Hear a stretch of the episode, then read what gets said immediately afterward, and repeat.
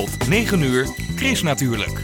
Hier is Chris Vemer. Goedemorgen, Chris natuurlijk is terug van weg geweest en neemt je mee naar het Scheepvaartkwartier. Samen met de makers van het boek over deze prachtige groene wijk in Rotterdam wandelen door de geschiedenis van het Scheepvaartkwartier. Zoals de geschiedenis van een deel van het Scheepvaartkwartier, de buitenplaatsen in de Muizenpolder.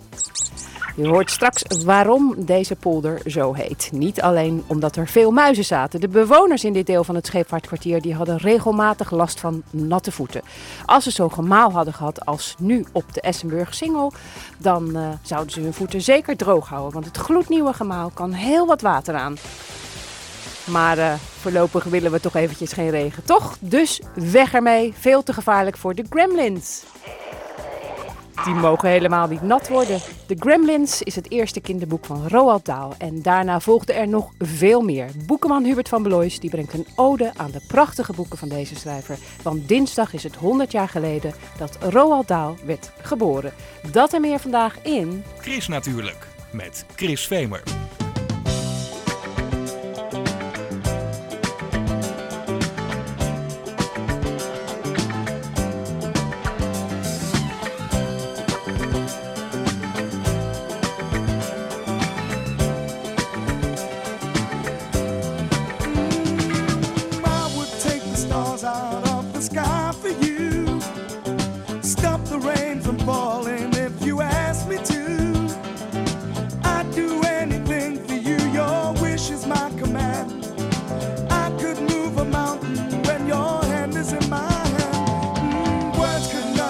How much you mean to me. There must be some other way to make you see. If it takes my heart and soul, you know I'd pay the price. Everything that I possess, I'd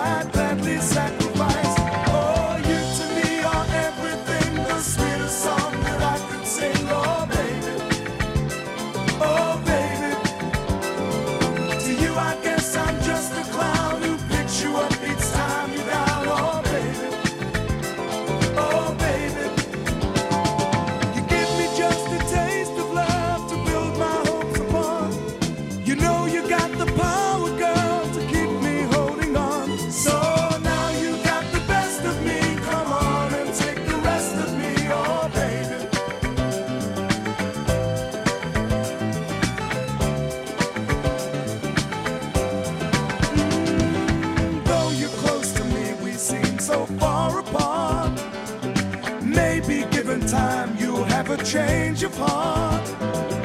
If it takes forever, girl, then I'm prepared to wait. The day you give your love to me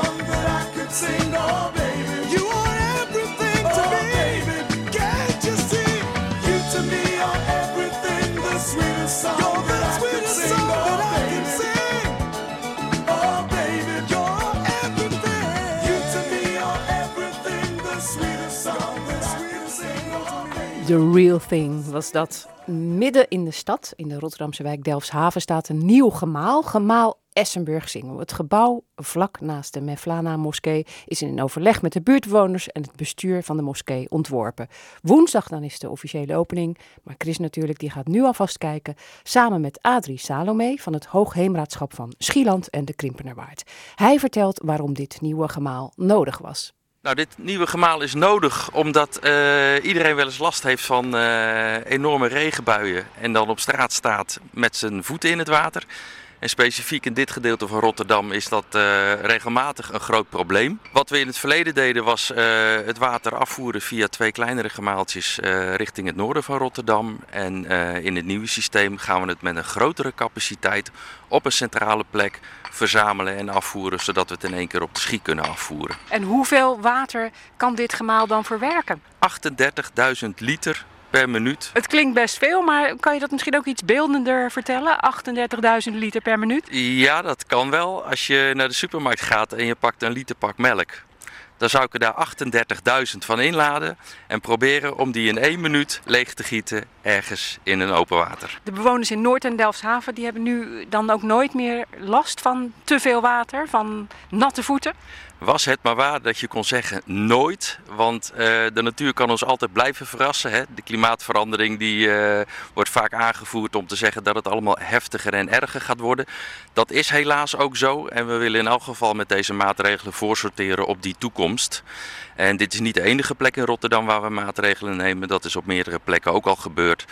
Maar wat er wel zo is, dat is dat de huidige overlast die af en toe wordt ervaren, die zijn we in elk geval kwijt. En laten we eens even wat vertellen over dit gebouwtje. Het staat vlak naast die grote moskee, de Mevlana moskee. En dan, ja, het is eigenlijk best een grappig gezicht. Het lijkt wel een beetje op een ufo. Ja, het lijkt uh, redelijk op een UFO. Uh, er zijn ook al mensen die zeggen: joh, als je daar schuin van bovenaf naar kijkt, dan lijkt het wel op een computermuis.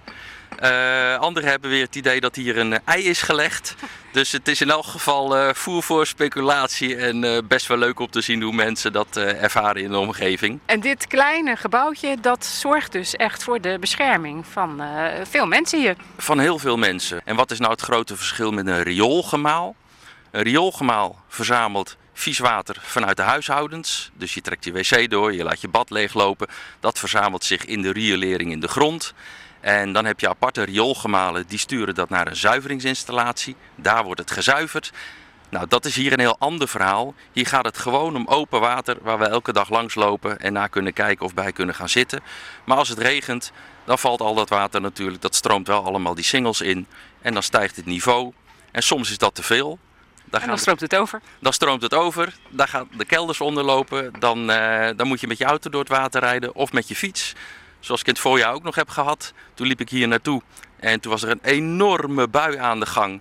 Die zelfs mijn paraplu niet meer kon, uh, kon tegenhouden. Maar je zag echt binnen 5 tot 10 minuten dat er op straat gewoon enorme waterstromen ontstaan van hoger naar laag om, uh, om dan toch zijn, zijn weg kwijt te kunnen raken. Maar het ontwricht dan op dat moment echt het verkeer.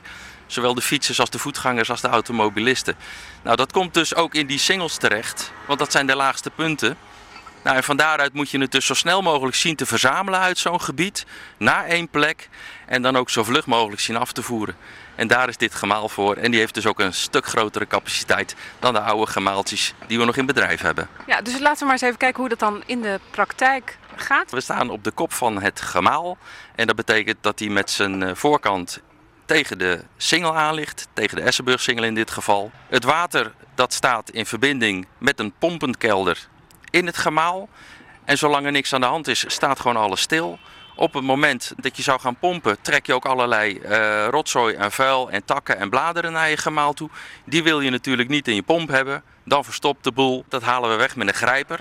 Dat is de eerste fase. Het water kan dan schoon en wel ongehinderd doorstromen naar die pompenkelder. Als we nou het gebouwtje binnengaan van het gemaal, dan valt je in elk geval op dat dit een vrij kleine ruimte is. Je ziet een aantal bedieningspanelen voor je met, uh, waar de elektrische apparatuur in zit. Om dit allemaal, wat ik net vertelde, automatisch te laten gaan plaatsvinden. Dus er hoeft niemand s'nachts zijn bed uit als het heel hard gaat regenen. Je ziet een open gat in de vloer. Kun je zo naar beneden kijken, de diepte in. Maar zo diep is het niet eens. Nee, nou ja, zo diep. Ik denk dat je toch gauw een meter of vijf naar beneden moet lopen bij elkaar. Maar daar beneden zie je dus ook een grote dichte betonnen doos. En dat is dan ook de ingang van de pompenkelder waar we het net over hadden. En op het moment dat het dan hard gaat regenen, dan gaat die pomp daar aan. Dan zie je een hele grote bouw, een stuk blauwe buis met een afsluiter. Door die leiding wordt het ongeveer 140 meter onder alle wegen door richting de Schie uiteindelijk afgevoerd. U klinkt heel trots. Ik ben ook best wel een beetje trots. Ja, ik vind het een, uh, een prachtig gemaal wat we hebben neergezet. Maar vooral ook de hele weg er naartoe. Wat we allemaal hebben bereikt met uh, de omwonenden, met de moskee, met de gemeente. Wat we hier hebben neergezet is gewoon iets om ook trots op, uh, op te mogen zijn. En dat allemaal voor zo'n klein gebouwtje? Eigenlijk allemaal voor zo'n klein gebouwtje. Maar ja, in dit geval is het ook klein is fijn. Want hadden we dat op de traditionele manier ontworpen, dan was het veel groter geweest. Had er een groot hek omheen gestaan was het hoogste installatieonderdeel 5 meter boven maaiveld geweest. Ja, en dat hebben we allemaal uiteindelijk kunnen schrappen in een heel slim ontwerp. Op een heel klein plekje, wat bijna niemand ziet. En als hij er al naar kijkt, dat hij dan zegt van, goh, dat is mooi. En klimaatbestendig voor de toekomst? Ja, heel klimaatbestendig. Want uh, samen met de gemeente Rotterdam en het Hoogheemraadschap van Schieland en Krimpenwaard zijn we al heel veel jaren bezig om ons voor te bereiden op die veel nattere toekomst. Naast... En af en toe ook droog natuurlijk. En ook naast de veel drogere momenten. Maar gemiddeld gesproken zul je zien dat er meer regen gaat vallen. Nou, en dat is in elk geval iets waar dit gemaal helemaal op is voorbereid. Vandaar die hele grote capaciteit met die 38.000 liter melkpakken per minuut. Nou, en woensdag dan is de openingshandel van het, handeling van het gemaal aan de Essenburg-singel.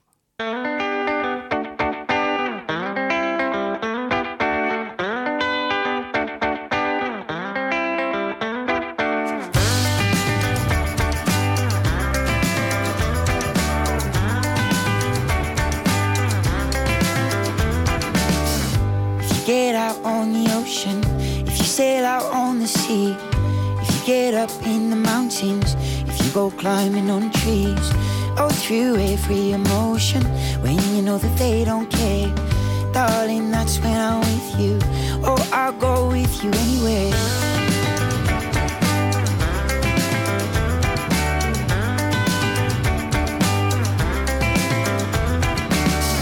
If you get up in a jet plane or down in a submarine, if you get onto the next train to somewhere you've never been. You wanna ride in a fast car and feel the wind in your hair, darling, just look beside you. Oh, I'll go with you anywhere.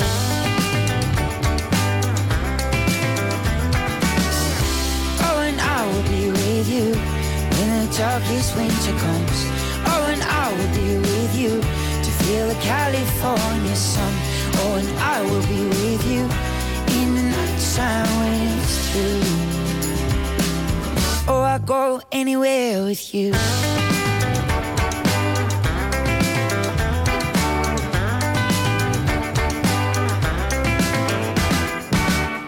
If you get up in the hillside, if you ride out on the plains, if you go digging up dirt, if you go out dancing in the rain, if you go chasing in rainbows just to find the gold ain't there darling, just look behind you.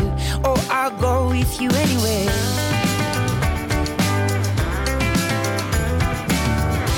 Oh, and I will be with you when the darkest winter comes. Oh, and I will be with you to feel the California sun. Oh, and I will be with you in the night time when it's through. Oh, I go anywhere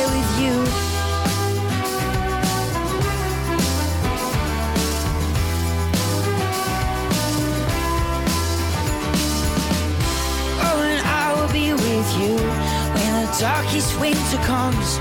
Oh, and I will be with you to feel the California sun.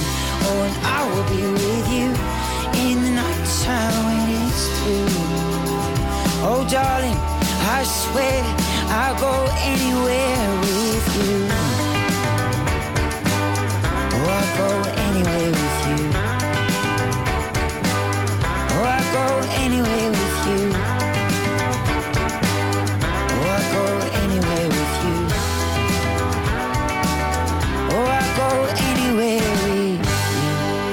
Passenger Anywhere. En uh, waar je dan bijvoorbeeld naartoe kunt gaan is het Scheepvaartkwartier. Daar kon je voor een borrel en een goed bord eten al van oudsher uh, terecht. Staat in het boek Scheepvaartkwartier Rotterdam. Het boek gaat over drie eeuwen stadsleven in deze Rotterdamse wijk aan de Maas. In Grand Café Loos in het Scheepvaartkwartier ontmoet Chris natuurlijk Tjeerd Schipper en Sam van den Einde, twee van de makers van het boek. Ze drinken een kop koffie precies op de plek waar je al heel lang dus terecht kunt voor koffie en meer. Begin van de 18e eeuw, 1700, is hier uh, de eerste herberg uh, verrezen. En uh, aanvankelijk was dat een, een, herberg die uitsluitend inderdaad bedoeld was om een drankje te drinken en te wachten op de pont die naar Katendrecht overvoer. naderhand, in, in het begin van de 19e eeuw, is het ook een hotel geworden. En dat kwam met name doordat uh, de vaart uh, tussen Rotterdam en Engeland, uh, die bloeide op, met name voor passagiers. En die landden hier en die gingen ook vaak logeren in, in die herberg. Die herberg heeft het daarna nog eens een, ruim een kleine eeuw uitgehouden tot begin van de 20e eeuw. Het was inmiddels eigendom van meneer Leijgraaf. En nou, die heeft er op een bepaald moment de brui aangegeven. En die heeft het verkocht. En dat is wel grappig. Die heeft het verkocht aan Furnace. Furnace was op dat moment een, eh, een oud uh, zeg maar, uh, haven scheepvaartbedrijf. En die was van plan hier een kantoorpand te bouwen. Dat is er eigenlijk nooit van gekomen. En toen zijn er twee, twee ontwikkelaars zijn er, gekomen. En die hebben dit, deze grond gekocht. En hier het Atlantic House gebouwd. En wat een modern gebouw was voor die tijd. Want het was in feite een, een verzamel kantoor-verzamelgebouw. Zoals je tegenwoordig natuurlijk uh, vaker, uh, vaker ziet. Dus ze liepen daarmee uh, zeer vooruit. En er is hier ook altijd een functie geweest als, als café en dergelijke. Er is hier vroeger, die zit er misschien nog wel beneden, een kegelbaan ook gezeten. Wat weinig mensen weten. En dus ja, dit is eigenlijk al een plek die dus ruim drie eeuwen lang waar geborreld en gedronken wordt. Scheepvaartkwartier Rotterdam, wat is dat voor boek geworden? Het is een boek dat uh, drie eeuwen scheepvaartkwartier beschrijft. Het scheepvaartkwartier als wijk waar uh, gewoond, gewerkt en gerecreëerd wordt. En dat is ook wat het scheepvaartkwartier zo uniek maakt, denken wij. Uh, het heeft altijd die drie functies echt verenigd. En dat proberen we in dit boek ook duidelijk uiteen te zetten. Laten we naar buiten gaan. Dat gaan we doen. Kijk, hier heb je dus het water, wat in feite de afscheiding is van de, van de Muizenpolder met de Parklaan. Deze, dit water was vroeger een stuk breder, er werd ook gevaren. En, uh, want die huizen, die buiten moesten bevoorraad worden. En uh, dit gedeelte was dus eigenlijk een heel smal weggetje was hier, wat ook afgesloten was. En alleen toegankelijk voor de mensen die hier een, uh, een buiten hadden. En er waren dus ook weer personeelsleden voor die dat in de gaten hielden. Na aanleiding van het boek Scheepvaartkwartier Rotterdam maakt Chris natuurlijk een wandeling door de wijk. Samen met twee van de makers, Tjeerd Schipper en Sam van den Einde. We zijn dus in het gedeelte van de Muizenpolder. Hier is misschien wel waar het scheepvaartkwartier begonnen is. Ja, toen heette het nog geen scheepvaartkwartier, Sam. Nee, zeker. Dit was een gebied waar welgestelde Rotterdammers naartoe kwamen om uh, warme dagen door te brengen en hun zomers te spenderen. En dan uh, kwamen ze hier om rustig door de natuur te wandelen en te genieten van de rust eigenlijk. Hier stond dus vroeger een, uh, een, ook een buiten van de familie Mees. Uh, dit is in de eind 70 jaar, begin 80 jaar afgebroken en toen is dit pand ervoor in de plaats gekomen. Het aardige is dat nu hier ABN AMRO Mees Pierson zit. Wat is in de neem? En hier staat uh, Villa Welgelegen. Ja, dat is een van de, de bekendste panden in de Muizenpolder. En de laatste particuliere eigenaar was uh, Louis Jamin van de snoepfabrikant. En die kocht het in 19... En dat geluid dat we nu horen, het wordt verbouwd hè? Ja, voor de Herensociëteit als ik het goed heb. Ja. En Louis Jamin die heeft het in 1924 uh, gekocht en laten verbouwen ook. Uh, het is heel erg getroffen, het pand, tijdens de watersnoodramp. En sindsdien was het een beetje in verval. En in 1953 heeft hij het aan de staat verkocht. Het water is hier uh, heel hoog gekomen ook. En mensen moesten inderdaad het huis ontvluchten met bootjes destijds. En daar zijn hele mooie foto's van. Nou ja, mooi, het is een beetje veranderd natuurlijk. Maar voor ons als historici zijn dat mooie beelden. Voor Jamin, die hier woonde, de reden om te vertrekken. Want het hier, dit stond totaal onder water en die had er schoon genoeg van. En toen is het pand verkocht aan de staat in 1953. En dan is dus tot 2015, tot vorig jaar, eigendom van de staat geweest. Die er werkelijk helemaal niets aan gedaan hebben. Het zag er verschrikkelijk uit. Nou ja, dat is dus de hoop dat dat weer helemaal uh, in orde komt. De eerste bewoner die dus dit gebouwd heeft, was Philippus van Ommeren. En uh, die dus hier zowel woonde als werkte in de wijk. En na Philips van Ommeren is het gekocht door uh, een Van Hoboken. En het interessante is dat Van Ommeren, Van Hoboken en Jamin hebben alle drie hun eigen elementen in dit uh, pand aangebracht. Verschillende stijlen. En het is de bedoeling van de huidige eigenaar om al die stijlen weer terug te brengen in zijn oorspronkelijke staat. Dus als dat lukt, dan hebben we hier een absoluut uniek uniek pand. Dit is dus het gedeelte van het scheepvaartkwartier dat de Muizenpolder heet. Nou, vroeger was dit gebied niet meer dan een moeras, las ik in het boek. Ja, zo is het ooit begonnen inderdaad. En uh, daar zijn wat delen van drooggelegd en opgehoogd. En dat waren gebieden die geschikt waren om uh, te bebouwen. Dus daar kwamen de, de grote panden, de, de buitens zoals die genoemd werden. En daar vestigden de rijke, de rijke Rotterdammers zich, in ieder geval in de zomers. En later werden het ook meer permanente verblijfplaatsen en namen mensen hier definitief hun intrek in plaats van in de stad. En waarom heet het Muizenpolder? Ja, het heet de Muizenpolder omdat het hier ongelooflijk veel muizen waren. En het leuke is dat het later de Mezenpolder werd genoemd, omdat er hier een heleboel buitens bewoond werden door de familie Mees. Ja, en een andere verklaring voor de naam Muizenpolder is dat het de kleinste polder van Nederland was. Vandaar muizen. Dit wordt wel scheepvaartkwartier genoemd, maar ook het nieuwe werk. Ja, het nieuwe werk is uh, vernoemd naar de stadsuitbreiding, die uh, halverwege de 19e eeuw is doorgevoerd door de stadsarchitect uh, W.N. Rozen. En dat werd het nieuwe werk, omdat het een aanvulling was op het oude Rotterdam. En het is hier hartstikke groen. Ja, het is hier prachtig groen, maar dat is ook niet zo gek, want dat is ook eigenlijk heel snel het, zeg maar in de 19e eeuw het uitgangspunt geweest om het hier ook te verfraaien. Daardoor is ook dat uh, het, het, park, wat vroeger in particuliere handen was, is toen aangekocht door de gemeente. En hebben toen uh, uh, Zogger een, een, een, ontwerp laten maken voor dit park. En dat is denk ik heel goed gelukt. En ook hier heb je natuurlijk die parklaan is heel breed, breed opgezet. Waardoor je ook weer ruimte hebt voor, voor enorm grasvelden en prachtige, prachtige bomen. En later is het park uitgebreid, nog met het Herenhuis op de Heuvel wordt het wel genoemd. Dat was ook een apart bezit.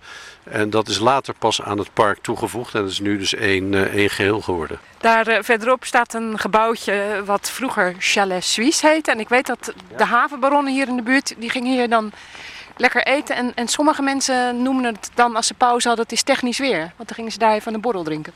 Ja, technisch weer werd ook wel gezegd als het heel mooi weer was, want dan kon je hier op het terras zitten. Die borrel werd altijd wel gedronken hier. En uh, het is grappig is natuurlijk dat dit een overblijfsel is van uh, de Zwitserse inzending op de E55. En uh, ja, dus wel tot, tot de dag van vandaag functie vervult. Zij het dat het de laatste 15 jaar wel erg veel in, in verschillende handen is gekomen en niet altijd even succesvol. Dat is wel jammer. We gaan nu naar de andere kant uh, van de parklaan, die dus later, uh, veel later bebouwd is. En waar vele bekende ondernemers uh, hebben, hebben gewoond. Vele havenbaronnen. Vele havenbaronnen. We staan nu voor het pand Parklaan nummer 46, waar DG van Beuningen woonde. En dan kan je ook misschien wel zien dan dat hij een havenbaron was met al die schepen ja, daarboven. Ja, ja, ja, ja, geweldig. Die, die boten daar op, de, op de gevel. Uh, hier bijvoorbeeld op nummer 4042, daar uh, waren de kantoren van, uh, van de, de, familie van den Berg, Simon van den Berg en later Sidney van den Berg van de Margarine, de latere Unilever. Als we bij 38 komen, dan komen we bij een bekende tellig uit, uit de Hudig-familie. Er staat ook een mooie foto in het boek waarin hij met zijn vrouw in een, in een spijker hier in de park, het park rondrijdt. Dit is eigenlijk een hele beroemde flat en alweer een stapje verder in de geschiedenis. De flat gebouwd door Van Tijen. Rotterdam moest mee in de vaart der volkeren en het Scheepvaartkwartier ook.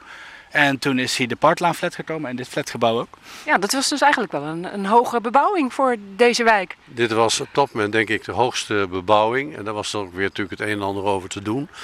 Uh, het, is een hele, het is echt een hele luxe flat, want iedereen die hier woont heeft een hele etage.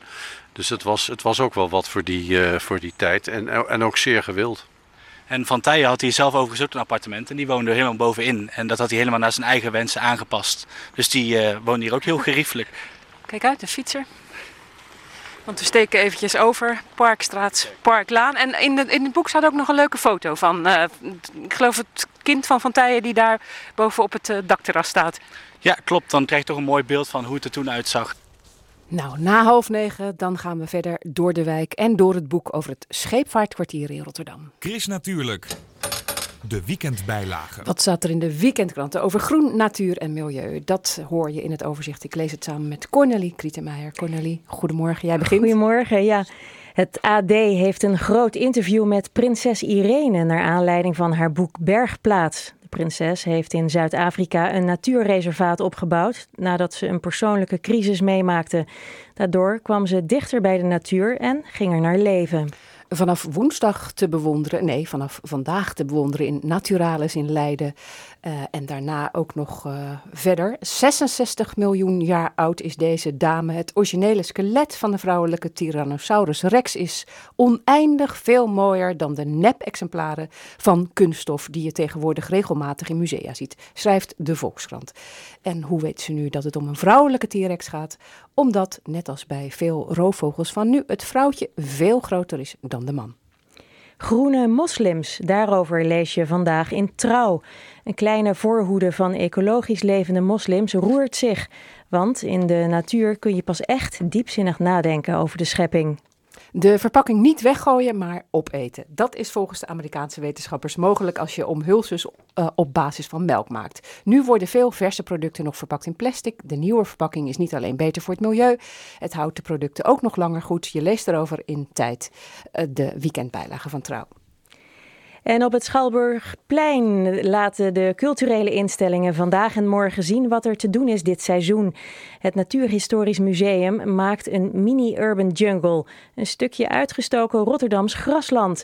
Op deze graspol van 1 vierkante meter groot kun je met loepjes op zoek naar stadse plantjes en beestjes. Dat noemen we nog eens natuursnuiven op het Schouwburgplein tijdens de Rotterdam Uitdagen. En dat was Cornelie Krietenmeijer met het groene nieuws uit de weekendkranten en daarbuiten. Gaan we door met het weerbericht. Dat komt van Leen de Koning. Leen, goedemorgen. Chris, hele goedemorgen. Ja, na het groene nieuws komt dan het zonnige nieuws, Chris. Tenminste, zeker voor vandaag. Want ja, het is weliswaar 10 september, maar het is eigenlijk nog uh, volop zomers in onze regio. En dat uh, met een kleine dip morgen blijft dat ook voorlopig zo. Vandaag hebben we te maken met een uitloper van hoge drukgebied. Gisteren hadden we op uh, geen enkele plaats in onze regio meer een zomerse dag. Maar vandaag zal het weer wel het geval zijn, want met een zwakke tot matige zuidelijke wind wordt weer warme lucht aangevoerd. Het is uh, zonnig. In de loop van de dag zien we wel wat sluierbewolking. Daar heeft de zon niet al te veel last van. En dat betekent dat we vanmiddag weer op veel plaatsen de zomerse grens van 25 graden gaan overschrijden. De maximumtemperatuur ligt rond de 26 graden. Komende avond blijft het ook nog lang vrij warm. We zien wel langzamerhand de bewolking wat eh, gaan toenemen. En dat alles heeft te maken met het overtrekken van die zwakke storing vannacht en morgenochtend vroeg. Nou, lokaal zou er misschien ergens een spatje regen kunnen vallen. Maar ik denk dat dat uh, nieuwe gemaal aan de wat was het? Essenburg Singel. Essenberg En u weet ook dat, dat het half negen is, hè? hoor ik bij jou. Ja, dat, dat het dus niet, uh, dat het niet in, uh, in bedrijf genomen hoeft te worden om die uh, hoeveelheid water te gaan verwerken. Want het zal toch overwegend droog zijn. En dat is ook morgen overdag het geval. We hebben dan te maken aanvankelijk met vrij veel bewolking. Maar in de loop van de dag wordt de bewolking toch minder dik. En morgenmiddag kan dan af en toe de zon doorbreken. De aangevoerde lucht is dan wel wat minder warm dan vandaag. Want bij een zwakke wind uit een zuid-zuidoostelijke richting wordt het dan maximaal zo'n 22 tot 23 graden. Dat is nog altijd een stuk boven het langjarige gemiddelde. Ja, en dan begin volgende week, Chris. Ja, temperaturen die eigenlijk bijna ongekend zijn voor deze tijd van september. Want zowel maandag, dinsdag als woensdag wordt het uh, overwegend zonnig en zeer warm in onze regio. Een matige wind uit het oosten tot zuidoosten, die voert die hele warme lucht aan. Nou, maandag zo'n 28, misschien hier en daar 29 graden. Zou me niet verbazen als we uh, dinsdag lokaal de tropische grens van 30 graden gaan halen. En ook woensdag weer 28 graden. Kortom, voor mensen die van warmte houden, die kunnen volop aan het trekken komen. Maar aan de andere kant, vandaag en morgen met de Open Monumentendagen, dus ook prima weer om erop uit te trekken. Leen, dankjewel en een heel fijn weekend. Hetzelfde.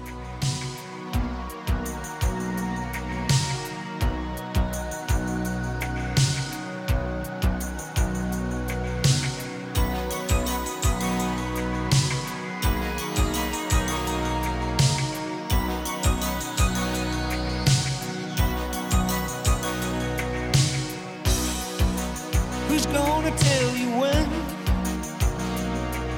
it's too late.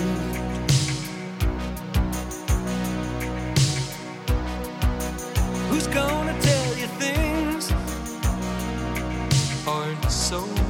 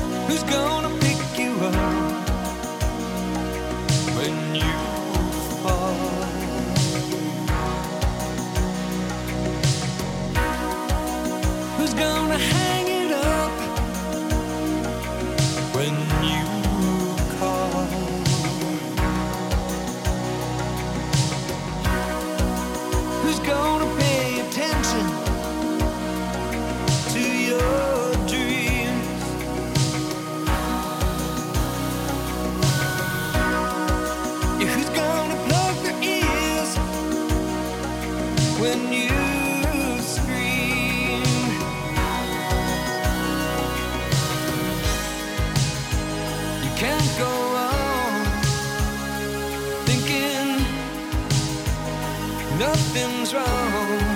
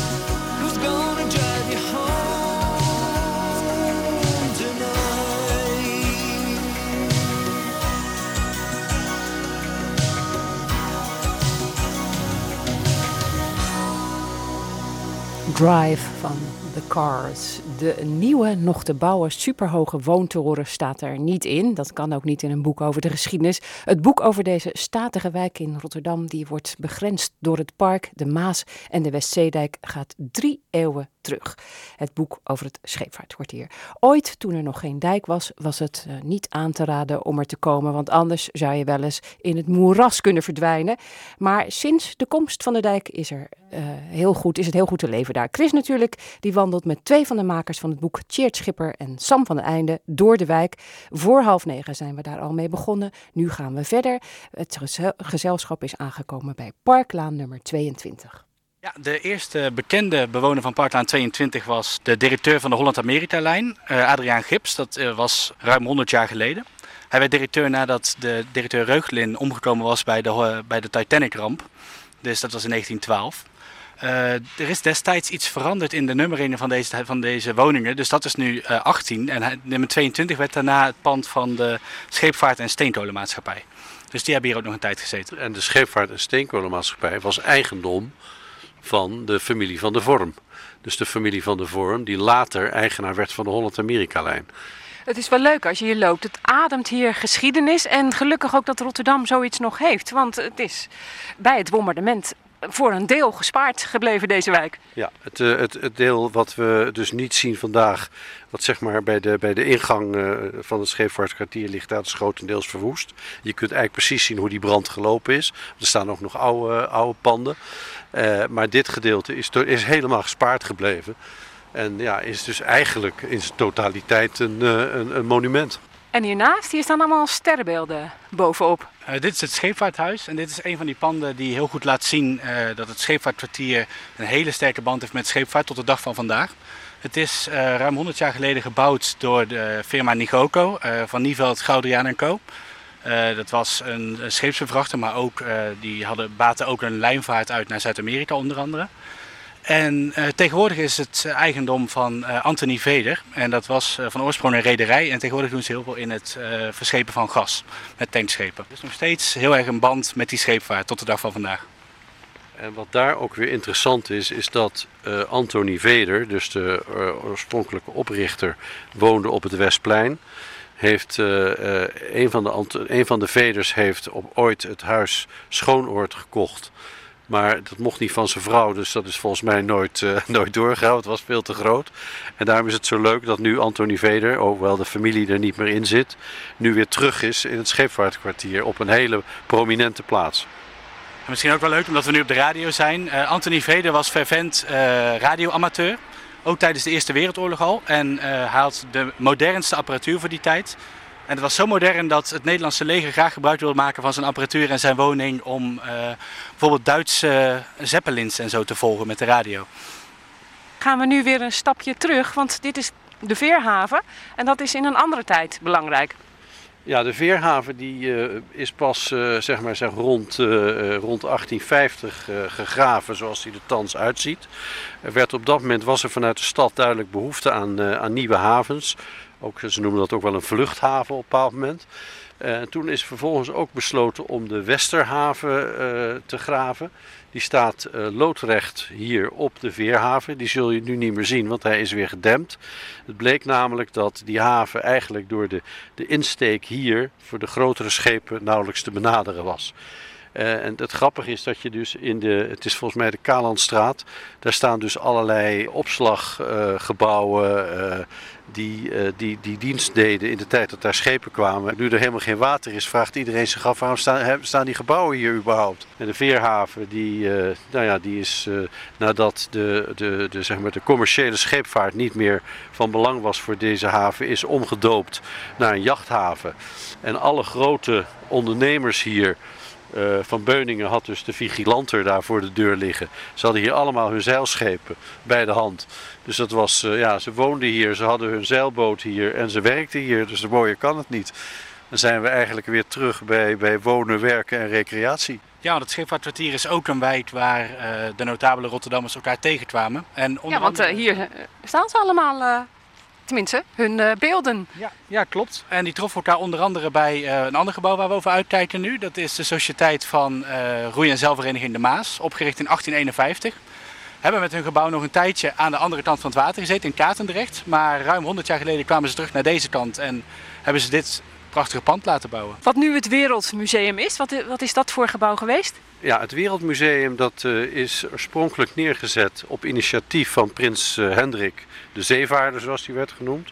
Hij uh, noemde het de jachtclub en het was voor hem, vond hij het mooi om hier zeg maar, alles wat er op het gebied van zeilen en roeien en dergelijke plaatsvond, dat dat hier in Rotterdam zou gebeuren. Het was bedoeld ook om het maritieme bewustzijn van de Nederlander ja, uh, wat te inspireren. Dus het had altijd al die educatieve functie. En uh, toen de yachtclub failliet ging, uh, is het pand in handen gekomen van het Maritiem Museum Prins Hendrik. Dat is inderdaad gebaseerd op de collectie die Prins Hendrik beschikbaar had gesteld. door de jaren heen kregen ze ook heel veel etnografische kunstobjecten aangeboden. Bijvoorbeeld door Elie van Rijkenvorsel. En een tijd lang is dit pand toen, heeft het dienst gedaan als zowel Maritiem Museum als Museum voor Land en Volkenkunde. Uh, Maritiem Museum is, zoals u weet, later verhuisd naar het Leuvenhaven. En het Museum voor Land en Volkenkunde is het Wereldmuseum geworden en dat zit er nog steeds. Het is een hartstikke mooie plek om hier te wandelen en dat deden mensen eigenlijk hier sinds mensenheugenis, hè? sinds uh, nou ja, het begin van het boek. Ja, sinds de, de, mogelijkheden er waren is men hier uh, inderdaad vanuit de stad gaan wandelen. Er werden ook activiteiten ontwikkeld, er waren openluchtconcerten.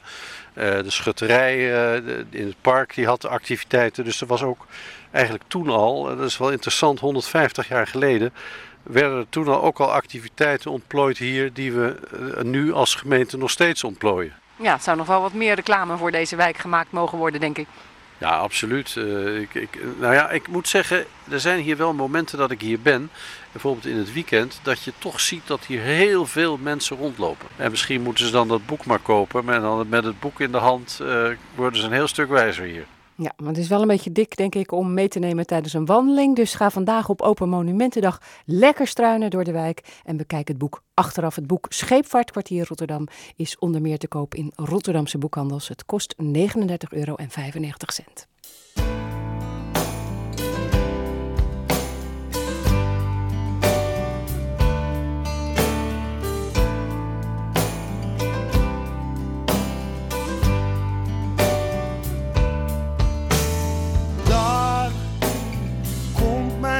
Wel aan.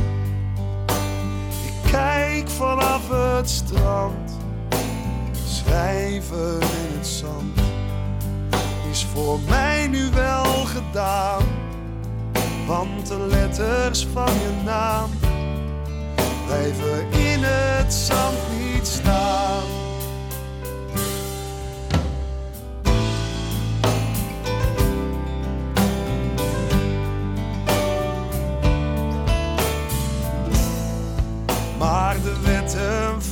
land gelden niet op volle zee. Dus ik neem je naam maar mee. Gun me vaarwel en vergeef me dat ik hardop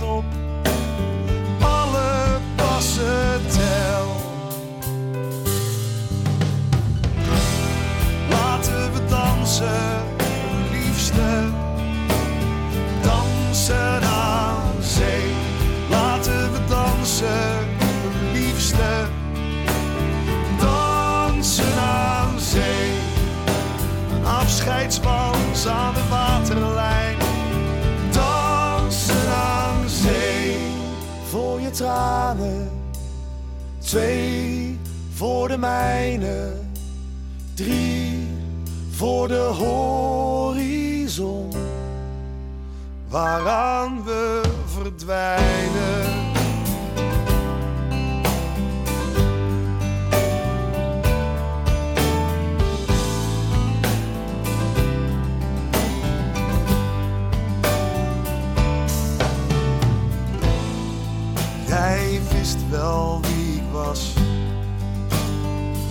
Met mijn jas, mijn armen wijd en leeg. En een hart dat schreeuwend zweeg, dat steeds meer verlangde naar de warmte van je wang. Laten we dansen,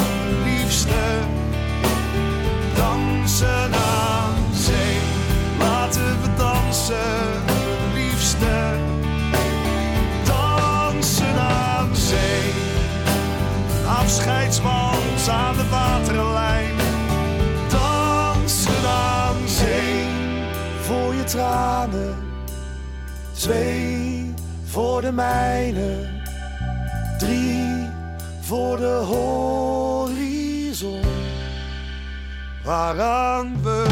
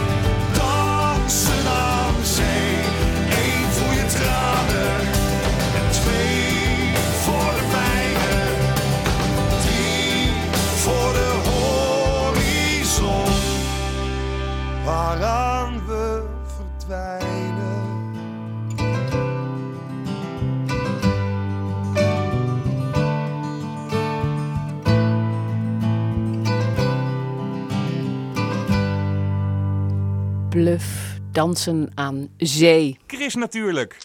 Lekker lezen. September is één groot boekenfeest met heel veel nieuwe boeken die uitkomen. Boekenman Hubert van Belois die bespreekt vandaag twee van die nieuwe boeken. Allebei van schrijvers uit Rotterdam. Maar we beginnen met Roald Daal, de grote schrijver van vooral heel veel mooie kinderboeken. Hubert, goedemorgen. Morgen, Kees. Nou, dinsdag dan Ja. is de honderdste geboortedag van Roald Daal. Dus wel reden voor een feestje, denk ik. Altijd reden voor een feestje. Eh, dit is de derde keer dat wij het over Roald Dahl hebben, volgens Ja. mij. Dus we elkaar kennen. Nou, geweldig. Altijd eh, goed om een aanleiding te hebben over Roald Dahl. En eh, kinderboeken zeg je terecht. Ik bedoel, er is natuurlijk geen, geen kind wat niet kan opgroeien hè, zonder het lezen van eh, Roald Dahl.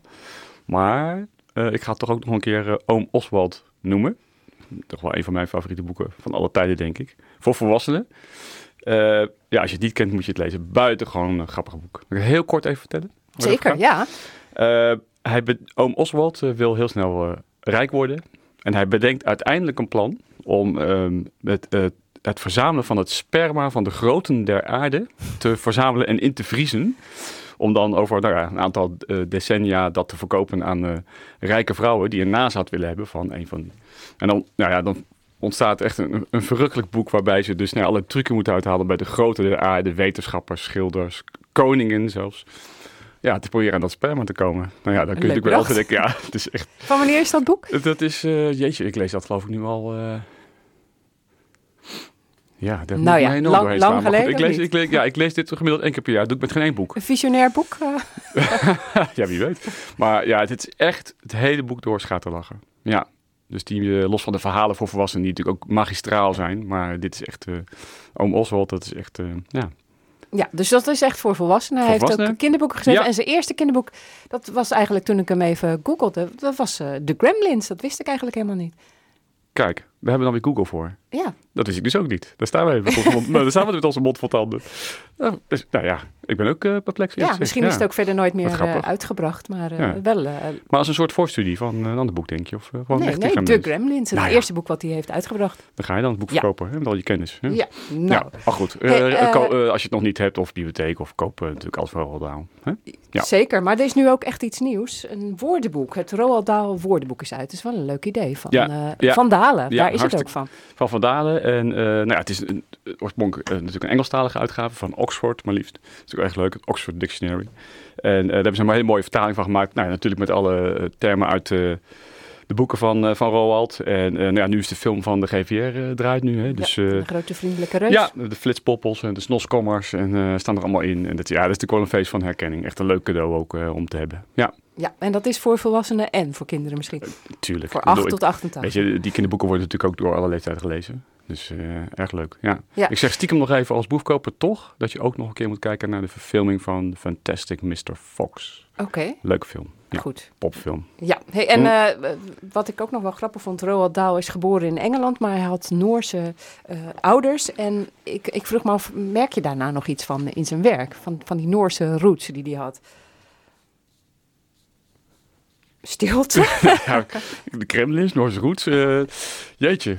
Eh, hier ga ik even over nadenken. Ja, Nou, dan komen we nog ja, een keertje op Goeie terug vraag, Chris. Kunnen we, weer over Roald Dahl beginnen volgende keer. met Hartstikke eh, leuk. Rotterdam eh, verder. Sophie het. Zijlstra, dat is een Rotterdamse schrijfster. Ik ken haar naam eh, eigenlijk niet, hè, Nee. maar eh, ze heeft al een paar goede boeken geschreven. Absoluut. Ja, heb ik je toch verrast, hè? Leuk. Ja. En eh, ja, historische romans. Ze, is, hij ze heeft gedebuteerd met een mooi boek over mevrouw Couperus, de vrouw van. Een, een prachtig historische roman waarbij zij, nou ja, mevrouw Couperus heel erg in het licht zet. Eh, ja, onbekend verhaal, maar een heel mooi roman van gemaakt. En haar vorige boek heette Margot, de zus van Anne Frank. Waar eigenlijk ook heel weinig over bekend is. En heeft ze ook een heel erg mooi, eh, goed gedocumenteerd, maar wel echt ook een roman van gemaakt. Over het leven van Margot.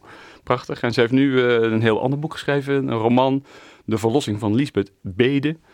En ehm, dit eh, is vertelt het verhaal over een, een vrouw die in het eh, dorpje Luttelgeest komt wonen. Nou ja, lees Hillegersberg. En eh, dan ontstaat er een, een prachtig verhaal over eh, de vrouwen in Luttelgeest die eh, de, ja, de wereldmaatschappij, heerschappij op zich willen nemen. En zelfs zo ver willen gaan. En dat in ze- maar hoe weet je zo zeker dat Luttelgeest voor Hillegersberg staat? Ja, ik sta daar natuurlijk al tien jaar in die winkel. dus ik heb daar wel een beeld bij hoe die, wat voor wijk dat is. En eh, nou ja, het is natuurlijk een, een, Ze woont een daar zelf parodie. Maar, ze woont zelf ook. Ja. Ja. het is een parodie, maar het, is, eh, het, het, zal- het zal zo, zomaar kunnen slaan ook op, wel op plekken als Laren of Wassenaar. Het is toch een bepaalde, ja, bepaalde samenstelling die, die, die je wel herkent. En, eh, maar de vrouwen gaan zover dat ze eigenlijk, ja, eigenlijk de mannen ook niet meer nodig willen hebben. En eh, nou ja, dat, dat, is gewoon echt een heel. eh, het is vooral ook heel grappig. Dus zowel die vrouwen als die mannen worden echt, echt heel hilarisch neergezet. Dus echt heel erg lachen. Dat, was verrassing voor mij, want ik kende haar niet als, eh, nou, als komische schrijver, maar erg leuk. En nou ja, ze gaat dus echt op, op, op zoektocht om, om dat op te lossen. Want ja, Lisbeth is binnengehaald door de vrouwen van Luttelgeest als een verlosser.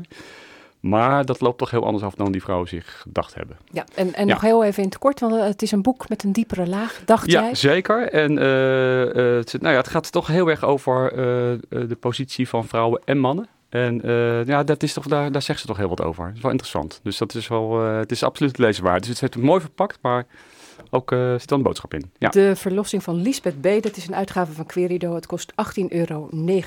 Dus één luisteraar die het boek kan winnen, bel 010 436 4436. En we sluiten af met Ernest van der Kwast, ook een uh, Rotterdammer. En jij hebt veel bewondering voor wat hij gedaan heeft. En ja. we hebben er eigenlijk maar heel weinig heel tijd kort. over. Heel erg goed. Voor? Hij heeft blijkbaar de afgelopen jaren allerlei korte stukjes geschreven over bestaande Rotterdammers. Dus moet je denken over nou, de imkers, portiers, uh, zwerver, mensen op de markt. Heeft hij twee korte verhaaltjes, steeds twee korte verhaaltjes voor geschreven. Ja, ik, je weet dat ik ben Hagenaar, maar ik ben, ja, dit is echt een geweldig boek. Dus volgens mij iedereen heel erg leuk. Hele mooie verhalen voor mensen die hij bewondert hele persoonlijke mensen, verhalen. Brugwachter is ook een mooi verhaal. En uh, volgens mij komt hij volgende week bij je langs, hè? Nou ja, ik ga met hem de markt over, want hij heeft heel veel mensen ontmoet op de markt. Zo is en, het. Daar schrijft hij over. Dus uh, ja. dat hoor je volgende week zaterdag in Chris natuurlijk. En dan ook volgende week dan wordt het boek uitgebracht. Hubert van Blois, dank voor je komst naar de studio. We zijn aan het einde gekomen van Chris natuurlijk. Volgende week dus onder meer Ernest van der Kwast.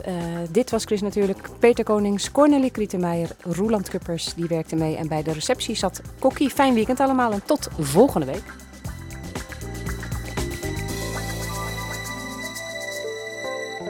Chris natuurlijk. Kijk ook op chrisnatuurlijk.nl